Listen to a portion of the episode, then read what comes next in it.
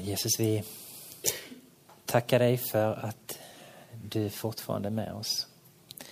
Vi ber att du ska vara med och eh, ge oss eh, nu en sista stund med dig där vi får också ställa in oss på hur vi går vidare härifrån. I Jesu namn. Amen.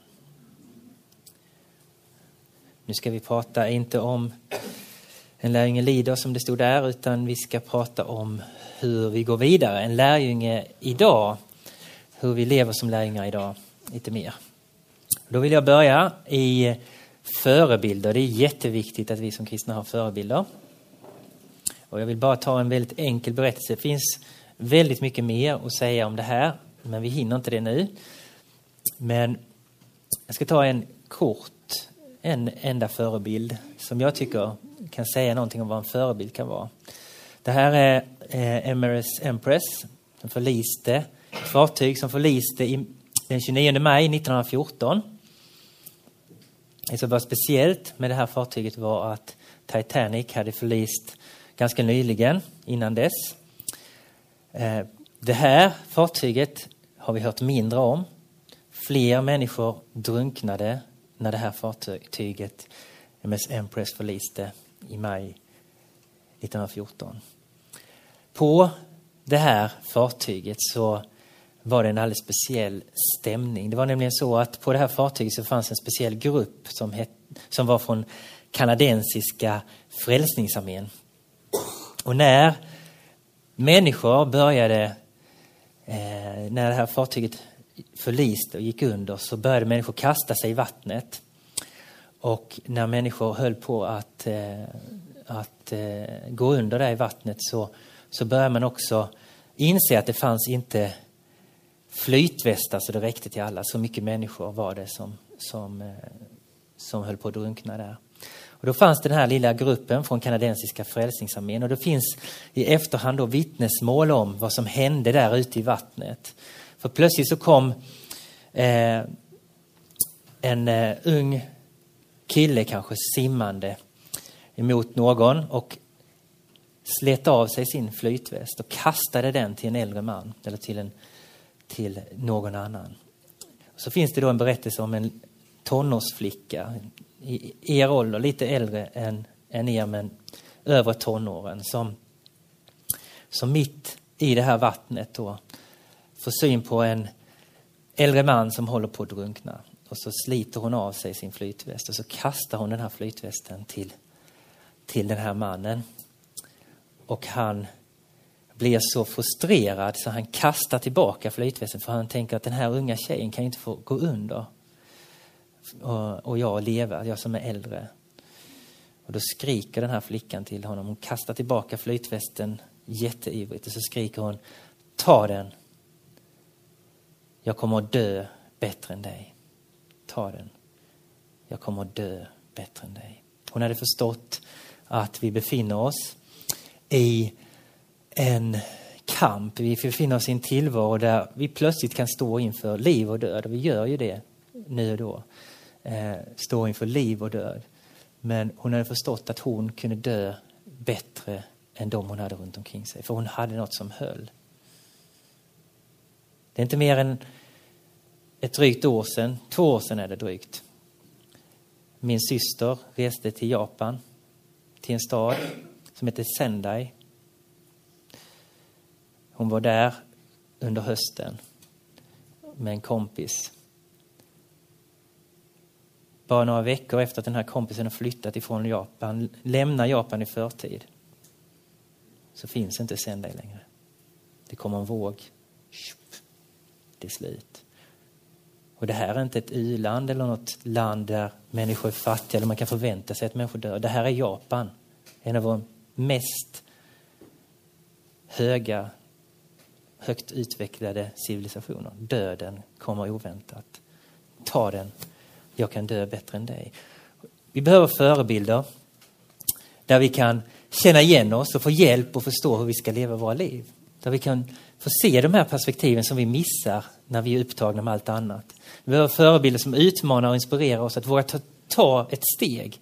Att kanske inse att det handlar om något annat än att bara leva för stunden. Det finns någonting mer, det finns någonting viktigare, ett större uppdrag för oss som vi kanske missar. Och det kan den här tonårsflickan till exempel få, få berätta om. Och det finns många, många andra. Det finns, det finns så många exempel som vi skulle kunna ta, men vi hinner inte det nu. Utmaningar i vår tid då. Det man kan säga om vår tid är att eh, idag vet människor väldigt lite om Gud, om Jesus. Frågar du människor varför vi firar påsk eller jul så, så, så är det faktiskt så illa att det är många som inte vet det idag. Det här är en utmaning för att här finns ju en möjlighet att för första gången, vi behöver berätta evangeliet igen. Vi behöver berätta de här självklara sakerna som vi kan känna självklara. För att människor ska få, få kunskap om vad det handlar om. Det finns också en utmaning att idag tror människor på andlighet. Man tror inte på Jesus eller på Gud, men man tror på andlighet. Till och med i kyrkan har man börjat tro på andlighet mer än man tror på Jesus. Men det som är spännande med det är att det finns en väldig öppenhet idag för att prata om tro. Det är väldigt många människor som tycker det är spännande med tro och religion. Eh, att prata om tro. Idag riskerar kyrkan att bli en andlig cirkus och på många sätt är den det. Det är väldigt mycket märkligheter som sker inom Guds folk i Sverige. Jag pratar då inte om Svenska kyrkan utan jag pratar om alla kyrkor i Sverige. Eh, det finns mycket, mycket brist på på, eh, på tydlighet, så att man verkligen vet vad man tror på. Man tror mer på andlighet många gånger i allmänhet än att stå upp för vad man faktiskt tror på. Så vi behöver våga stå upp för vad vi tror på. Och här finns ju då också en möjlighet, för det är väldigt många som är öppna för andlighet idag. En möjlighet att få hjälpa människor fram till Gud, att få gå ifrån att tro på Gud i allmänhet till att hjälpa människor fram till en personlig relation till Gud i höstas, eh, i våras var jag ute på torget i Kalmar och träffade människor. Jag brukar göra det ibland. Eh, gå ut med något som heter Street Church. Då, då går man ut och är man kyrka på stan och så träffar man människor. Och då kom det fram en, en tjej i 20-årsåldern som eh, berättade att hon hade börjat ana att Gud måste finnas. Hon eh, hade bara plötsligt börjat förstå att det måste finnas något högre, att det måste finnas en Gud någonstans. Så hon hade börjat gå till kyrkan sådär och bara satt sig i kyrkan och, och liksom förstått att det måste finnas någonting mer. Och när vi hade det här samtalet så blev det väldigt tydligt för mig att hon, hon hade förstått att det fanns en Gud. Men hon hade inte förstått att det faktiskt finns en personlig Gud som du kan ha en relation med. Som du kan få lära känna. Och det är ju betydligt mycket mer spännande än att tro att det finns en flummig Gud någonstans långt borta som jag inte vet vem det är. Att jag faktiskt kan börja ana vem han är, att jag faktiskt kan börja prata med honom och kan få en relation till honom. Och förstå att det faktiskt är på riktigt. Ehm.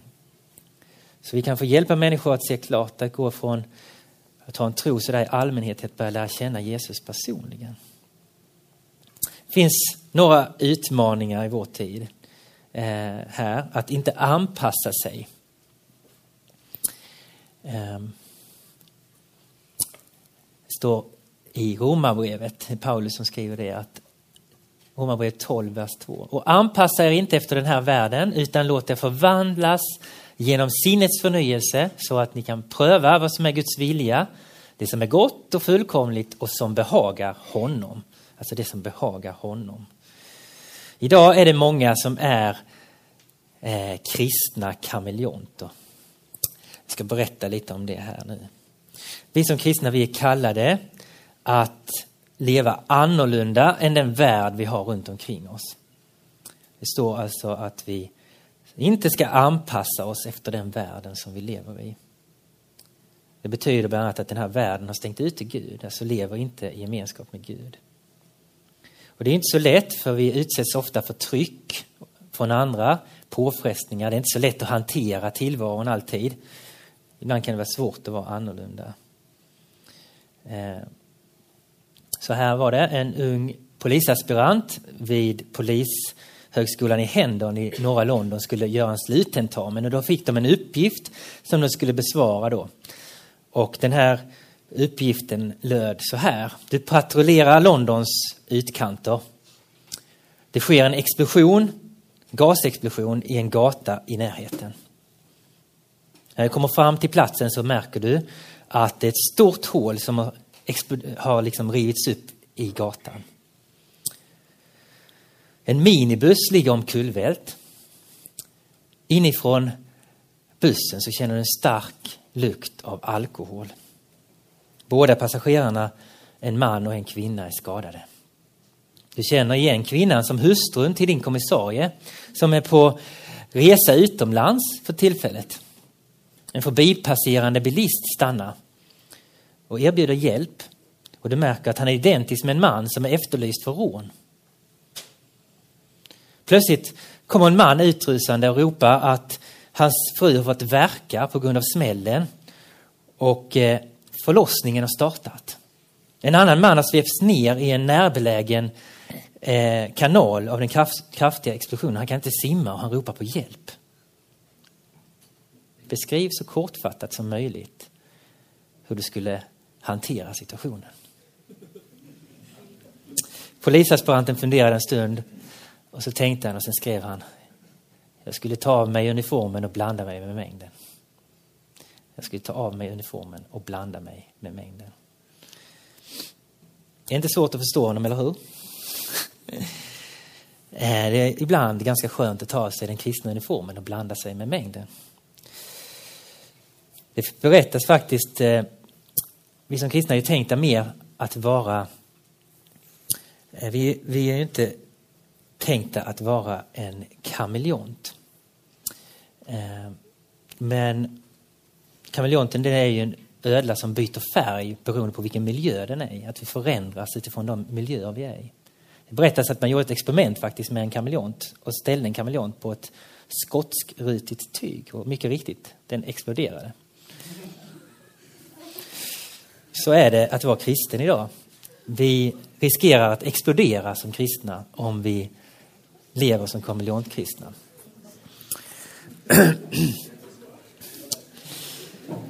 Ni behöver inte tro på allt jag säger. Att behålla glöden. Att behålla glöden då. Idag är det många kristna som tycker att, som vi sa här, att det är bättre att vara kristen på egen hand. Kyrkan är så tråkig kanske man tycker. Men då finns risk att glöden faktiskt dör ut. Eh, vi behöver forma mindre och närmare gemenskaper idag tror jag. Där vi får dela livet som kristna. Det berättas om en en ung grabb som satt bredvid en äldre man. De satt framför en kamin. Och, eh,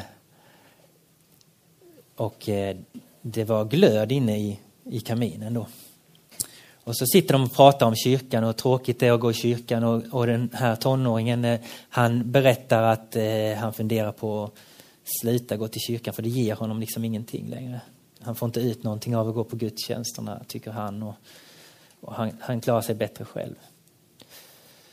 Den äldre mannen han säger ingenting. Han bara reser sig upp och så tar han en tång och så tar han, går fram till brasan, så tar han en glödbit och så lyfter han ut glödbiten med tången och så lägger han den utanför brasan, kaminen.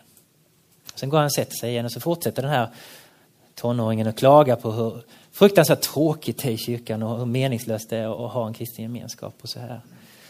Så går det en stund och sen ställer mannen säger ingenting, han bara sitter tyst. Och sen ställer han sig upp och så går han fram och så tar han kolbiten med handen, för nu har den svalnat.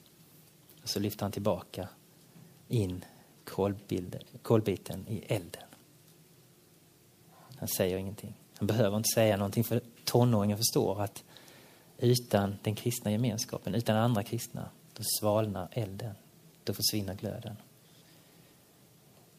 Då blir man kall. Men däremot så har vi en stor utmaning tror jag som kyrka idag. Att, att många kyrkor idag kanske inte erbjuder den där nära gemenskapen som vi behöver. Vi behöver en mindre gemenskap att träffa sig också. Och det är en utmaning för svensk kristenhet idag. Till sist, hur går jag då vidare? är inte Paulus här, jag vet inte varför jag skriver Paulus. Det är inte Paulus som har sagt det här. Det är snarare David som har skrivit det eller någon annan. Eh, Saltaren 119, vers 105. Eh, Ditt ord är mina fötters lykta och ett ljus på min stig. hur går jag vidare? Jag får gå ett steg i taget. En lykta är ju inte som en strålkastare som lyser upp hela tillvaron. Utan en lykta är ju någonting som lyser upp mina fötter så att jag kan gå ett steg i taget. Och så, så är det också när vi lever i relation till Jesus, att vi får, får kanske så mycket, se så mycket av vägen som, som vi klarar av för nästa steg. Nu ska jag förklara det här med Kurt Mose här som ni kanske undrar lite över. Vi får präglas när vi vandrar efter Jesus. Och vem är då Kurt Mose? Eh, när jag växte upp så hade vi en nära vän till vår familj som eh, hette Anders. Anders han var en gång på en klassresa. Och eh, när de var iväg på klassresa så kom de till en, en, eh, liten damm där det fanns en liten ankunge som hade blivit bortstött och skadad. Den här lilla ankungen hade eh, blivit bortstött av sin mamma så det fanns ingen som tog hand om den där ankungen. Anders han tyckte synd om den här lilla ankan så han tog den i sin famn och han gömde den innanför jackan eller något sånt och hoppade på bussen tillbaka hem från klassresan med den här ankan innanför jackan. Eh, den, det som sen hände var att den här ankan den började följa efter. Han kallade ju den här ankan då, döpte den till Kurt Mose för han hade hittat den i vassen. Så sen började följa efter Anders och eh, det slutade med att Anders han fick med den här ankungen hem. Eh,